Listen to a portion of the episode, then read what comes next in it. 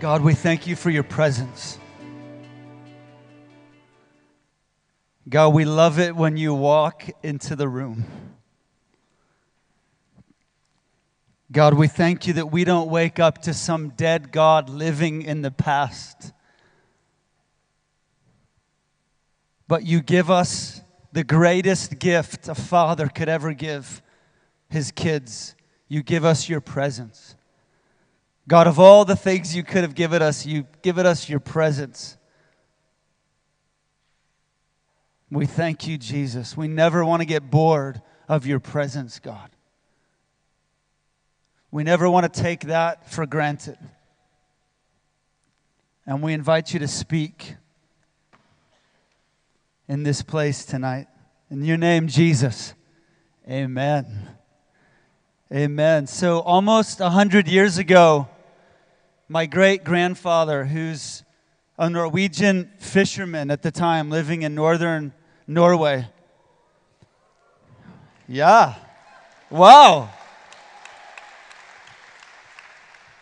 He was in Oslo um, taking a ship to Canada. And while he was in Oslo, there was a young Norwegian girl who was worshiping with her friends on the docks. And she came over to my great grandfather, Harold, and she asked him a question. She said, Do you know Jesus? And my great grandfather said, No. And she said to him, Would you like to know Jesus? And he said, No. And he walked away. And he went home that night and he closed the door to his room. And he said that when he stepped into his room and he shut the door, the Spirit of God came into his room. And God's Spirit came upon his life he fell to the ground and he gave his life to Jesus. Ha ha! Come on.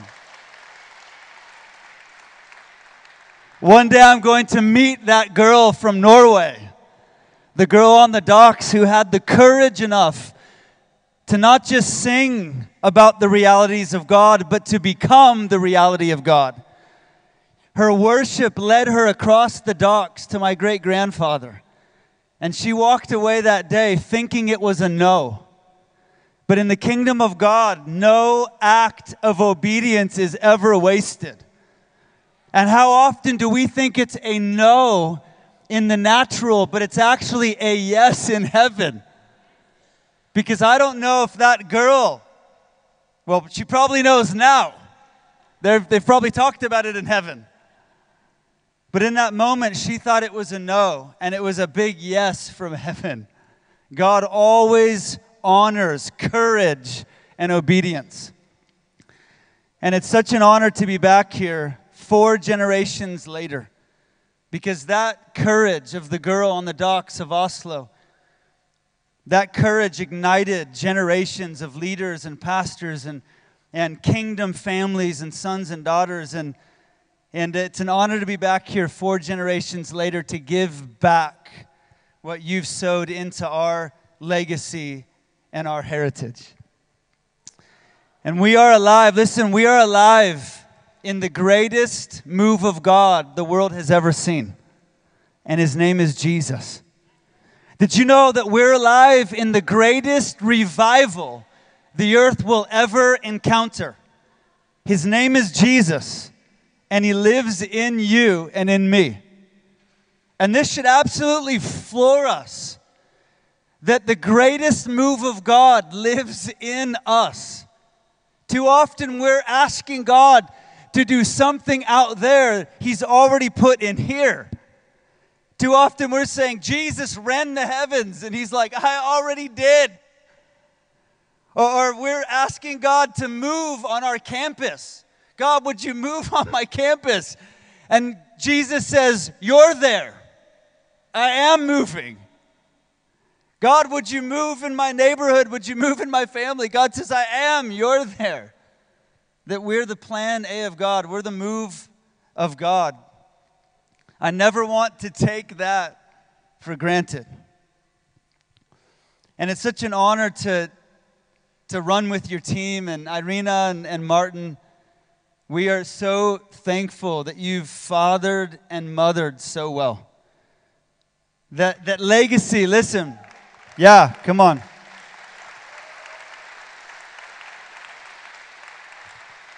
That your legacy isn't what you give your children after you die. Your legacy is what you give sons and daughters while you live. And your, your, uh, your ministry is what you build with your own hands. But your legacy is what you build through the hands of sons and daughters. And you guys have lived beyond your ministry into your legacy. Too many, they stop at their ministry. But we're meant to actually live beyond our ministry to see the, the move of God in the hands of our sons and daughters. And it's the greatest joy, and you fathered and, and mothered, and so much of this is the fruit of that. So well done. And Elling, so grateful for our friendship. And you've encouraged me deeply. And on Monday, we got off the plane. And the moment we got off the plane, um, Elling took us on a, a small hike up the pulpit rock. A small hike. And we climbed to the top of Pulpit Rock. We looked for Tom Cruise. And then as we walked down, it began to rain. And at first, it, it, felt nice. But then it kept raining. And then it rained harder and it kept raining. It rained for almost two kilometers. And so I can say, Elling, we've been through some rough times now. And we met Jesus on the mountain, didn't we? Uh, if you guys would turn to 1 Samuel 17.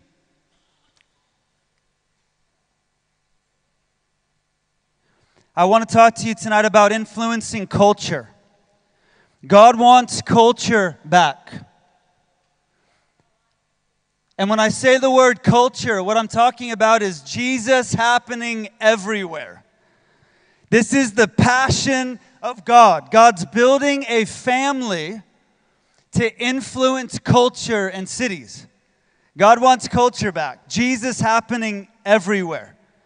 This is, this is what God dreams about. Jesus happening in politics. Jesus happening in engineering. Jesus happening in education. Jesus happening in fashion and film and food, especially Mexican food. Thank you, Jesus for Mexican food. Come on. I have to say that because my wife is Mexican. But I actually love Mexican food. Jesus happening in hospitals, Jesus happening in coffee houses, Jesus happening in restaurants. This is the dream of God. God's building a family to influence culture that we don't need more anointed gatherings, we need more anointed fatherings and motherings. We need more anointed baristas, more anointed coffee. We need more anointed doctors and more anointed teachers. We don't need another move of God on Sunday. We need a move of God on Wednesday. Somebody believe God to move on a Wednesday. I think too often we're asking God to move on Sunday and and so for many of us our greatest spiritual encounters are happening on Sundays because we're asking God to, to move in church when God actually wants to move in real life. And there's a move of God happening in our day. And it's, it's not a move of God in the church, it's a move of God of the church into culture and into cities and into hospitals and into neighborhoods and into homes. It's a move of God. The church, listen, when the Holy Spirit came upon the church for the first time, they left the room. How come we keep running back to the room? The church is addicted to Sundays. We're addicted to songs. We're addicted to singing about realities we don't actually live. And yet, the dream of God isn't for us to do church better, the dream of God is for us to do life better. Jesus did not lay his life down and rise from the dead so we could do better church. Jesus rose from the dead so that we could live life and life to the fullest. All of life, even Fridays.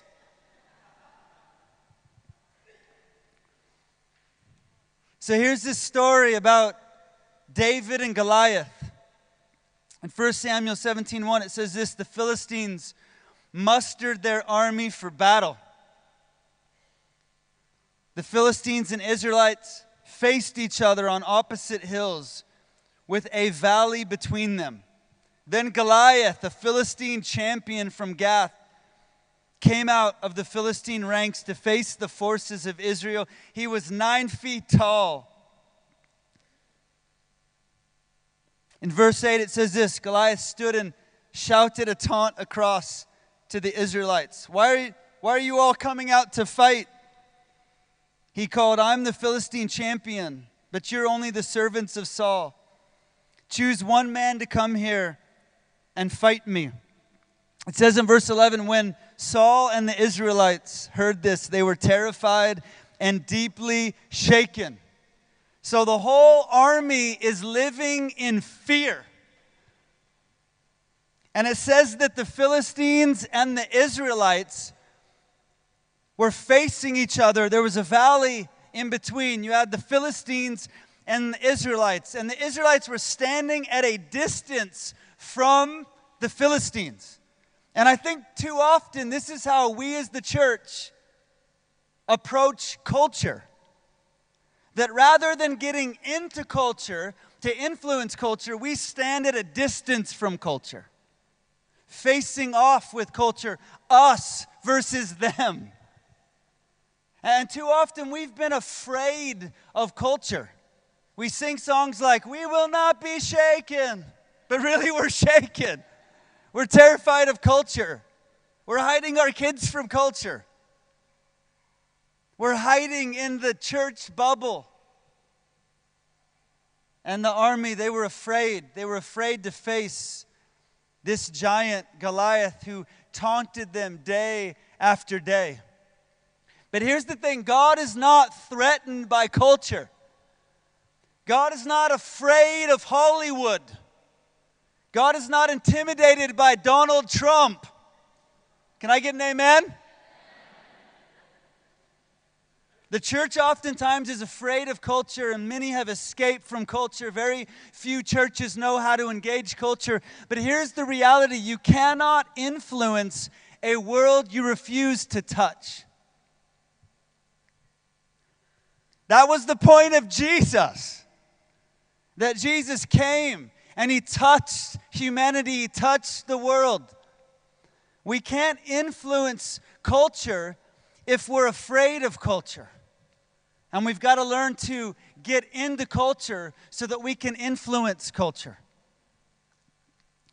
And this story says that for 40 days and 40 nights, Goliath taunted not just the army, but he taunted their God. All until the day that a young man named David heard Goliath shout. In verse 23, then David heard him shout his usual taunt to the army of Israel. Young David shows up, a man after God's own heart, and he hears Goliath taunting his God. And he begins to ask his brothers and ask the army, Why are we allowing this man to defy our God? It's so interesting in this story because every time the army, the afraid army, spoke of Goliath, they called him a giant. But every time David speaks of Goliath, he calls him a man. They were fixated on the size of the giant, while David was fascinated with the size of his God. So he could look at Goliath and go, You're just a man, and yeah, you're tall, but God's taller and God's greater. And he asked the army, Why are we allowing this man to defy our living God?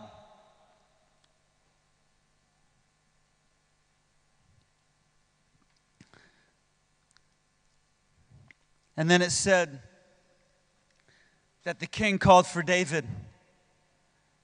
And King Saul tried to put his armor on David. And I'm sure for a moment it was sexy, it was trendy. I'm sure for a moment it felt good to wear the king's armor.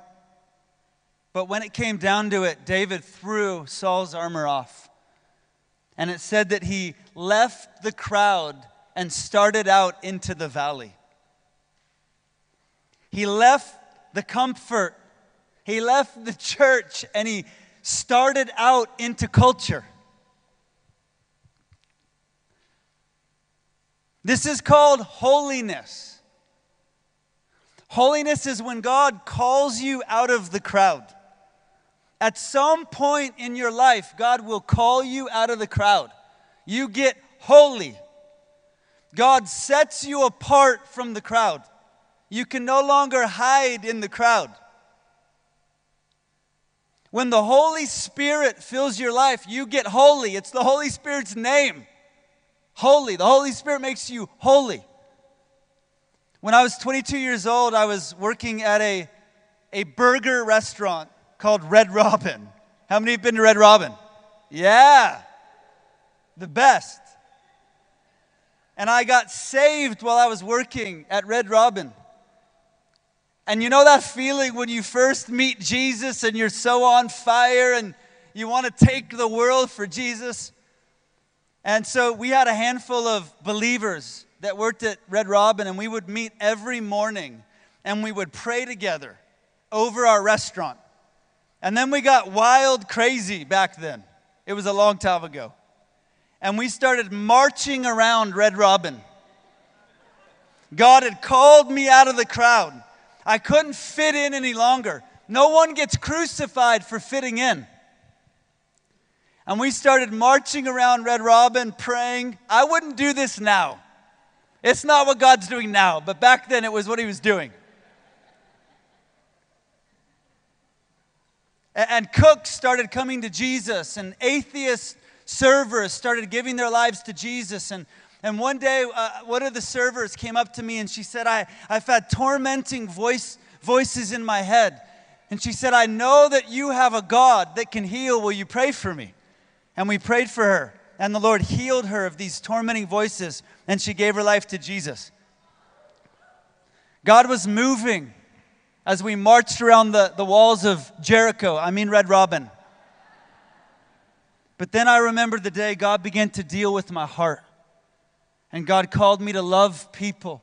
And God called me to become more generous. I'm telling you this it is much easier to march around the walls of a restaurant than allow God to march around the walls of your heart. God began to deal with deeper things in my life calling me out of the crowd. And this is where influence begins. If you want to influence culture, God calls you out. You cannot influence the crowd from the crowd. Many of you, you don't actually have influence because you're lost in the crowd.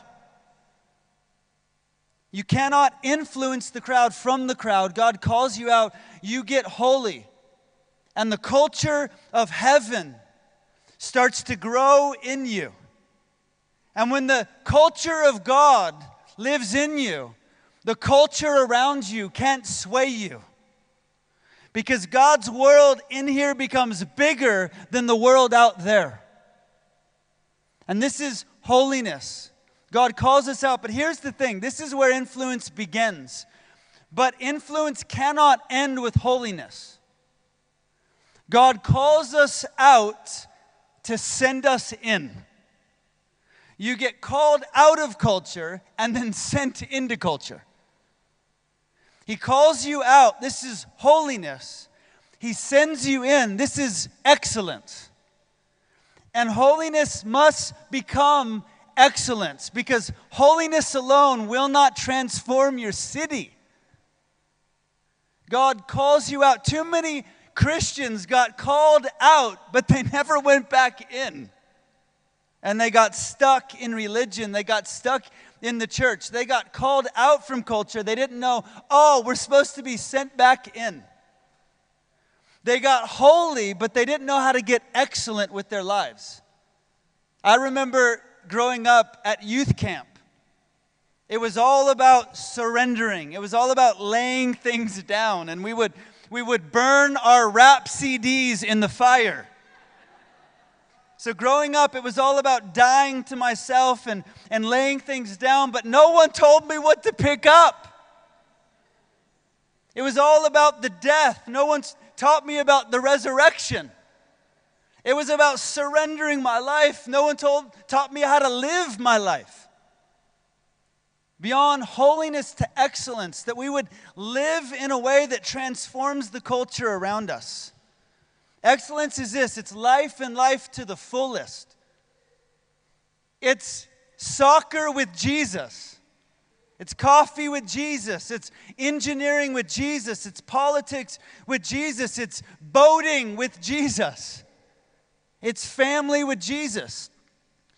It's teaching with Jesus. It's reading and studying and being a student with Jesus. That we'd live life and life to the fullest because getting called out of culture is a good start, but you have to get sent back into culture to live in a way where people begin to see Jesus and experience Him. And what's happened is we've divorced church from culture. And so we've, we've sent this subtle message to the church and to the world that those things that happen in church are somehow more holy than those things that happen in the world. Brother Lawrence wrote a book, Practicing the Presence of God.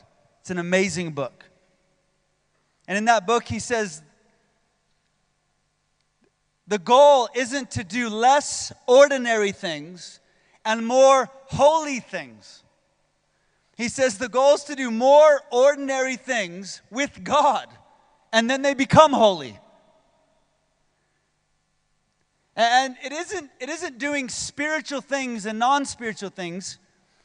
If you're filled with God's Spirit, everything you do is spiritual. The more I'm filled with God, the more my whole life looks like God.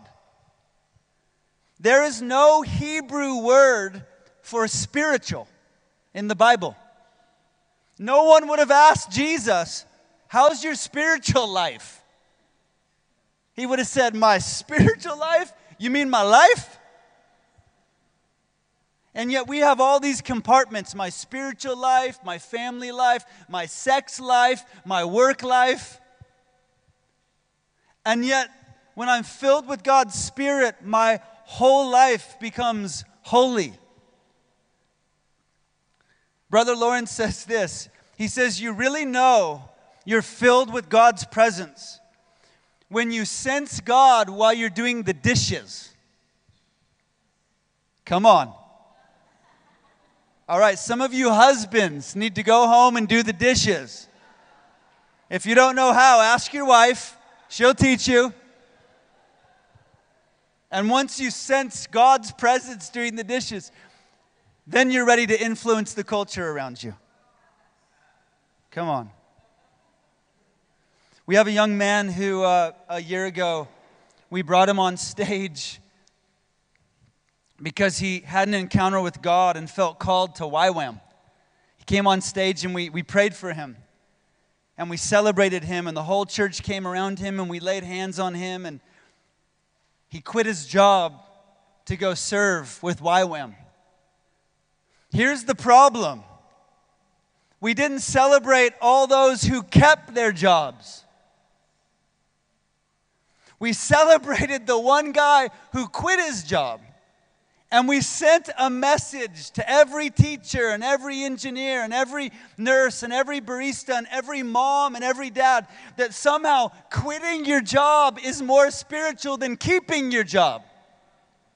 But if we all quit our jobs, that's not good for the city. So, too often we send these subtle messages, don't we, in the church, that there are things that are more holy. The things we celebrate shape the culture. And then we do this in our church. Once a year, we have all the kids' workers stand.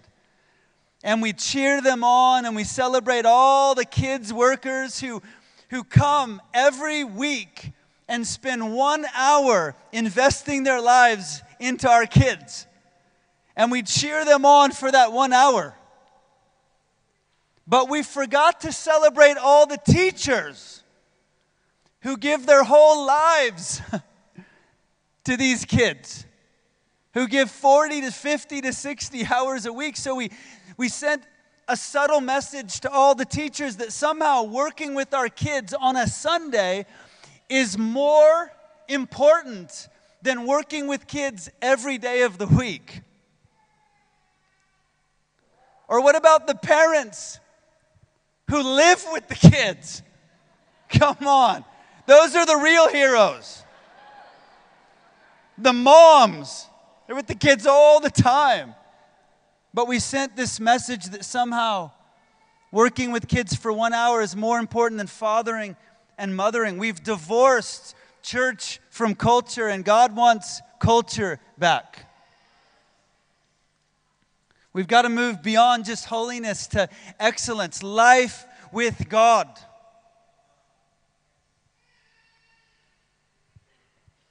So here's David. He throws off Saul's armor. He started out into the valley with his slingshot, and he found five smooth stones. And I love this about David because at the end of the day, David realized I have to be me. I can't be someone else. I think one of the most powerful things we can do is just be who we are.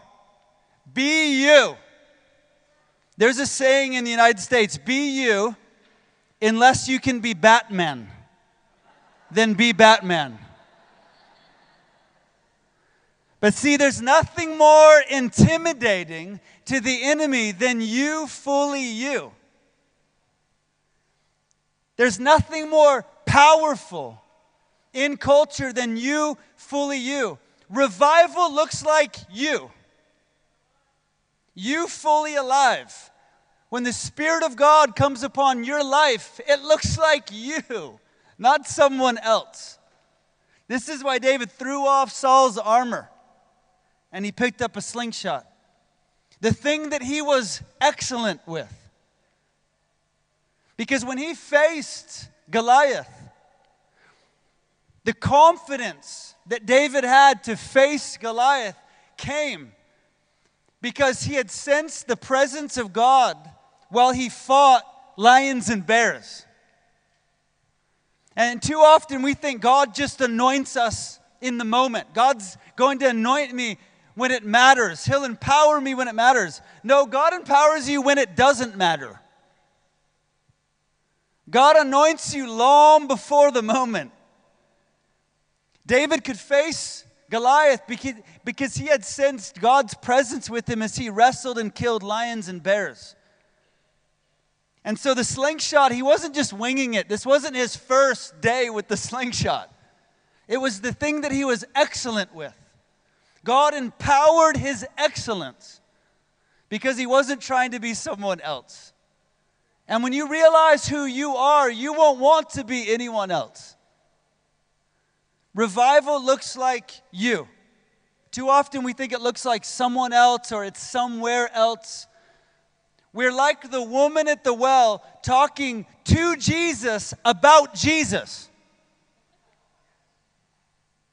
How often are we talking about revival? Revival's coming when revival's already here. The woman at the well, she's talking to Jesus about Jesus. She says to him, Oh, the Messiah is coming. He's like, Uh, I am. Let's not be like the woman talking to Jesus about Jesus. Or talking about revival as if, as if it's something out there. So, David, he ran out to meet Goliath with his slingshot. See, here's the divine paradox. The divine paradox is this that the more I look like Nate, the more I look like Jesus. And the more that I look like Jesus, the more I look like Nate. It doesn't make sense. But when you become like Jesus, you don't lose yourself, you find yourself. That the more the more I look like Nate, the more the world sees Jesus. There's a verse in the Bible that says all of creation's awaiting the return of Jesus, the revealing of Jesus. And then there's another verse that says all of creation is awaiting the revealing of the sons and daughters of God. And I read these two verses and I'm like, which is it? And God's like, yes. When He's revealed, we're revealed. When we're revealed, He's revealed. The more that I throw off who I'm not and become who I am, the more the world encounters Jesus. Be you, unless you can be Batman. Then be Batman. Always. See, I grew up and there was this teaching that people took from John the Baptist. The teaching is, I must decrease, he must increase. And so people talk about this and they live in their false humility. I must decrease, he must increase. I used to be a worship leader and I would lead worship and and someone would come to me and go, Wow, that was amazing. And I would go, Oh, it wasn't me, it was Jesus. And they would say, No, it wasn't that good. no, it wasn't Jesus. I'm pretty sure it was you. But we've bought into this false humility that somehow I've got to get smaller and Jesus gets bigger. The reality is, the bigger Jesus gets, the bigger you get. We've got to stop reducing Jesus to the size that we believe we are and allow Him to grow us into the size that He is. And John the Baptist, John the Baptist had an assignment. His assignment was to prepare the way of the Lord. When your assignment is to prepare the way of the Lord, when He comes, you get out of the way. Because there's Jesus. And you want Him in the way. But your assignment isn't to prepare the way of Jesus. Jesus didn't live in John the Baptist, Jesus lives in you. Your assignment is to reveal the way of Jesus, which means you got to get in the way. Because Jesus lives in you, not somewhere else. Be you. Nothing more intimidating, nothing more powerful. In Exodus chapter 31, the first people filled with God's Spirit in the Bible, they were not preachers and church leaders. I, I wish they were. It'd be so cool. The first person filled with God's Spirit was a, a preacher and he preached a message and everyone got saved. But the first people filled with God's Spirit were, were artisans.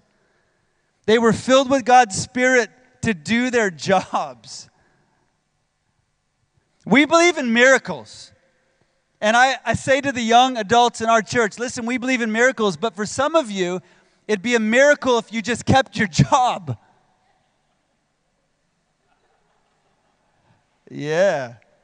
Be excellent.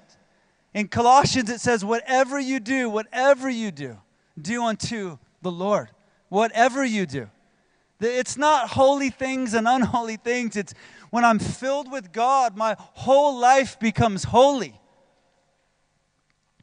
And we live beyond just holiness to excellence. And when the culture around us, when the world, they begin to see God in real life, when they begin to see God in soccer and sports, when they begin to see God in the hospitals, when they begin to see God in the CrossFit gym, they'll begin to experience God. And, the goal won't be to get people to church, the goal will be to get the church to people.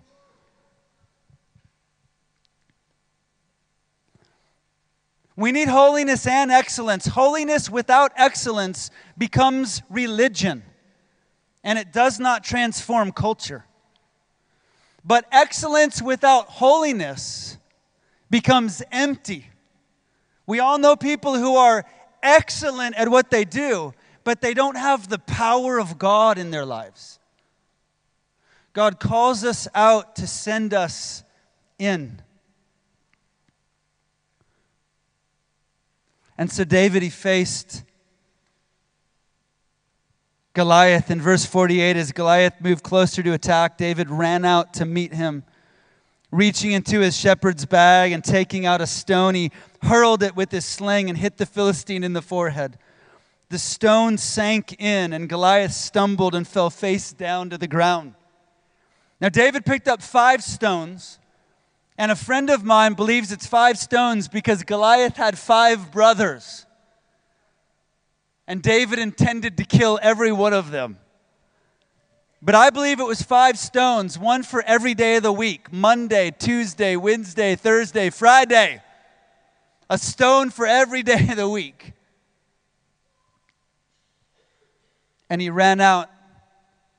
He hurled. Here's the thing when holiness meets excellence, when excellence meets holiness, when we get called out and sent into culture, doctors filled with God's Spirit, engineers filled with God's heart, moms and dads carrying Jesus in their families, in their neighborhoods.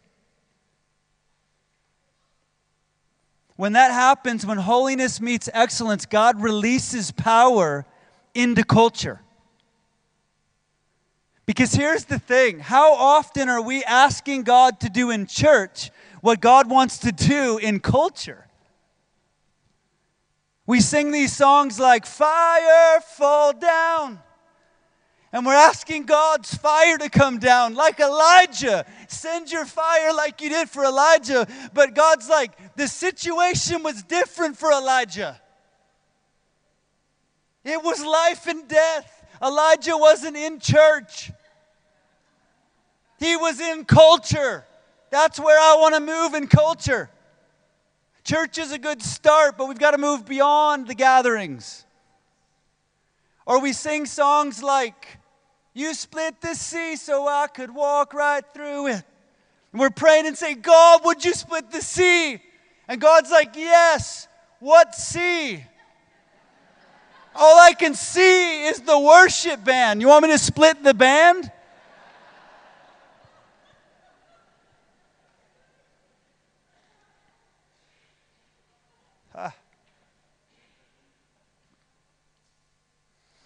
Too often we're like, God, give us power to face the giants. God's like, what giants?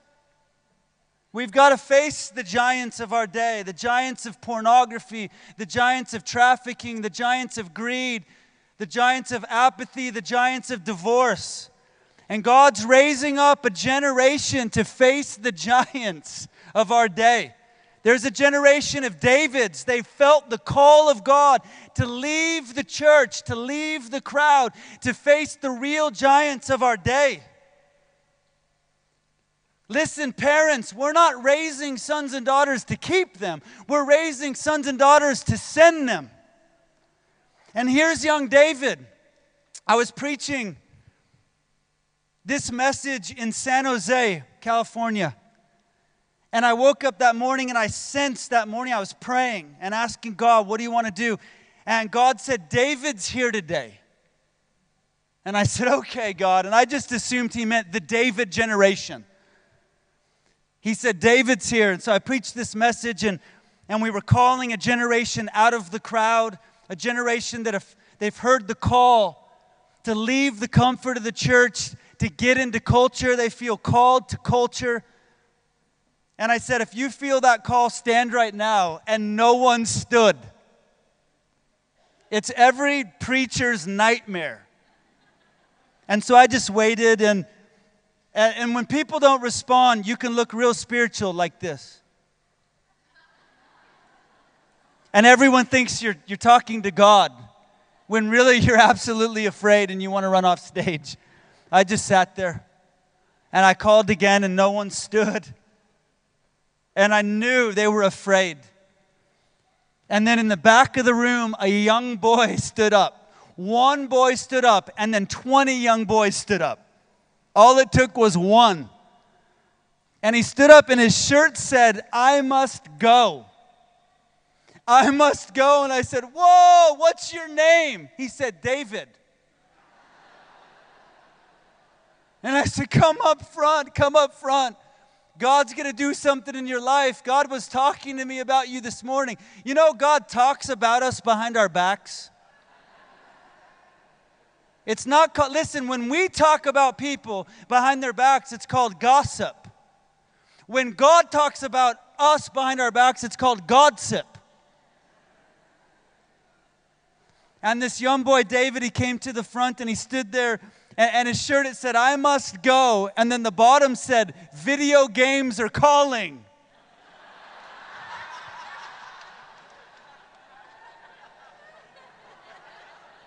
So we prayed for him and said, God's about to rewrite your story. God's about to call you into his story.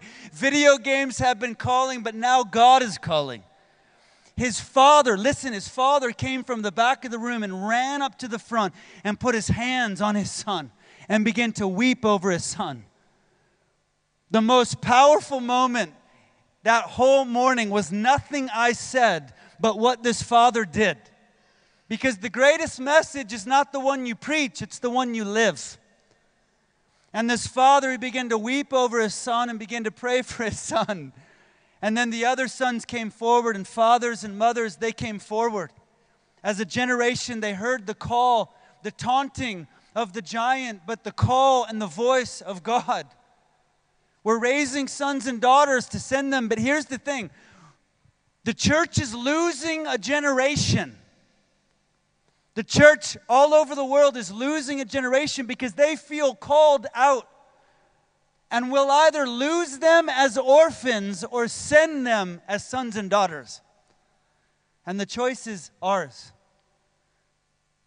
And it's not that they didn't value our church, it's that we didn't value their life. And we tried to put Saul's armor on a generation rather than validate and value the slingshot in their hands.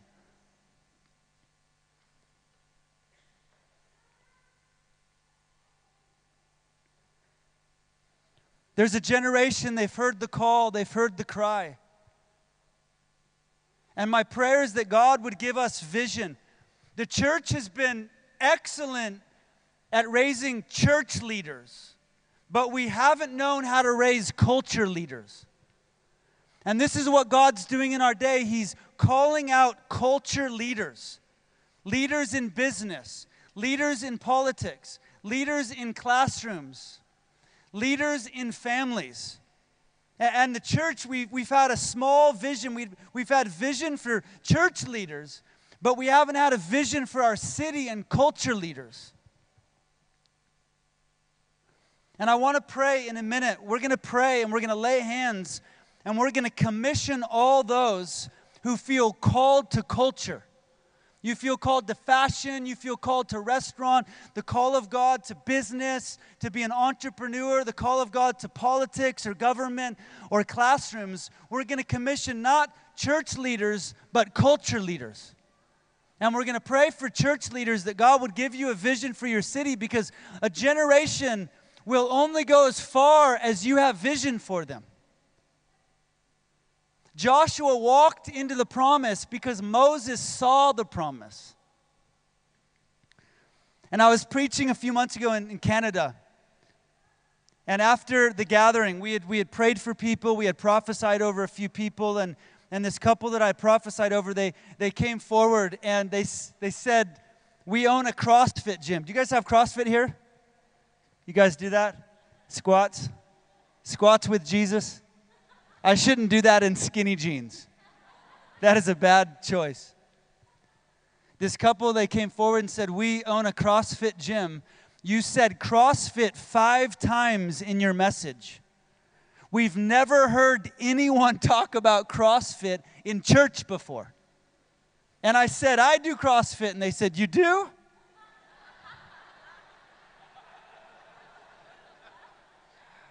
I was going to pray for you, but now I'm not going to. I'm going to do some push ups in the corner. they felt the call of God to, to lead in their CrossFit gym. And then there was a girl I'd prayed over who came forward afterwards and she said, I'm a counselor. I'm getting my master's in counseling. And, and uh, I had prayed for her and I felt like the, God wanted to commission her as a pastor. And she came and she said, I've been so torn because I'm in counseling, but I feel called to the church. I'm a counselor, but I feel called to the church. And she said, When you commissioned me as a pastor, I saw the two become one. That I'm meant to pastor through counseling in culture. And then I woke up that morning and I sensed, I told my friend that I was with, I said, I, I just sense there's someone here who's called to fashion. And they're meant to have a significant role in the fashion world in Canada. There's someone here. So I called that out and said, Is there anyone here called to fashion? No one stood up. And I said, Is there anyone? Is there anyone? Because Jesus was talking to me about fashion. Is there anyone? And no one stood up. Afterwards, a girl came to me and she was shaking. She said, I'm so afraid to say this, but I've been dreaming about fashion ever since I was a girl. She said, It's been my dream but she said, I haven't pursued it because I thought I had to choose God or fashion. No one validated what was in my heart. But she said, as you preached, the Lord showed me that I can serve Him in fashion. And I felt the release of God, and we prayed for her and commissioned her into fashion. I think too often our sons and daughters are dreaming about facing the giants. But as fathers and mothers, have we validated what's in their hearts? Because there's a generation of Davids that God's empowering to lead in culture. And God wants to turn the church inside out. And so I want us to pray. I know we've got just a few minutes if the worship team would come. But I want to ask if, if the prayer team would come and, and just line front here, if you're a part of the prayer team. And everyone, if you would, you could stand.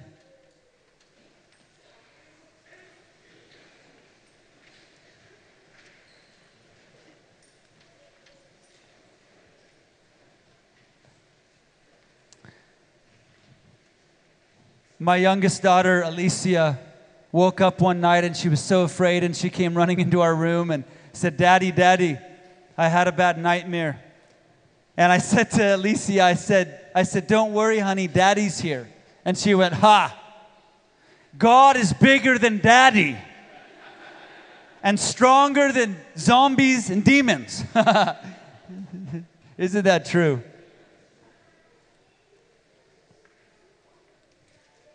And so, as we respond in worship, I just want to pray for us.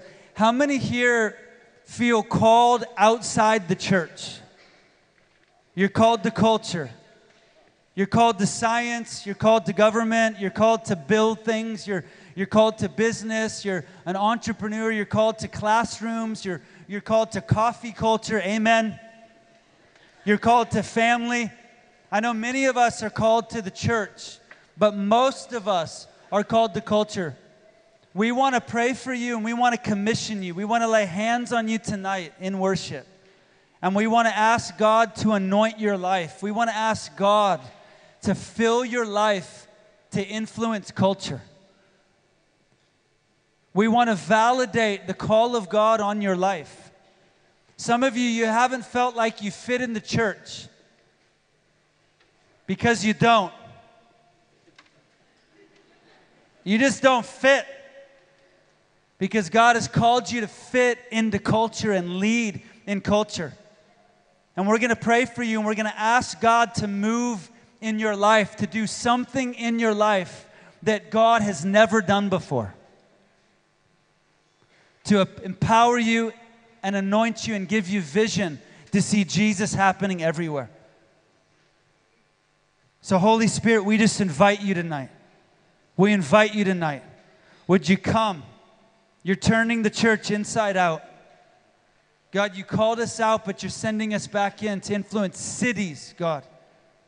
Miracles in classrooms, heaven in business. Every table becomes an altar. Holy Spirit, come. Empower us, God, in your name, Jesus. Amen. We're going to worship. Would you come if you raised your hand?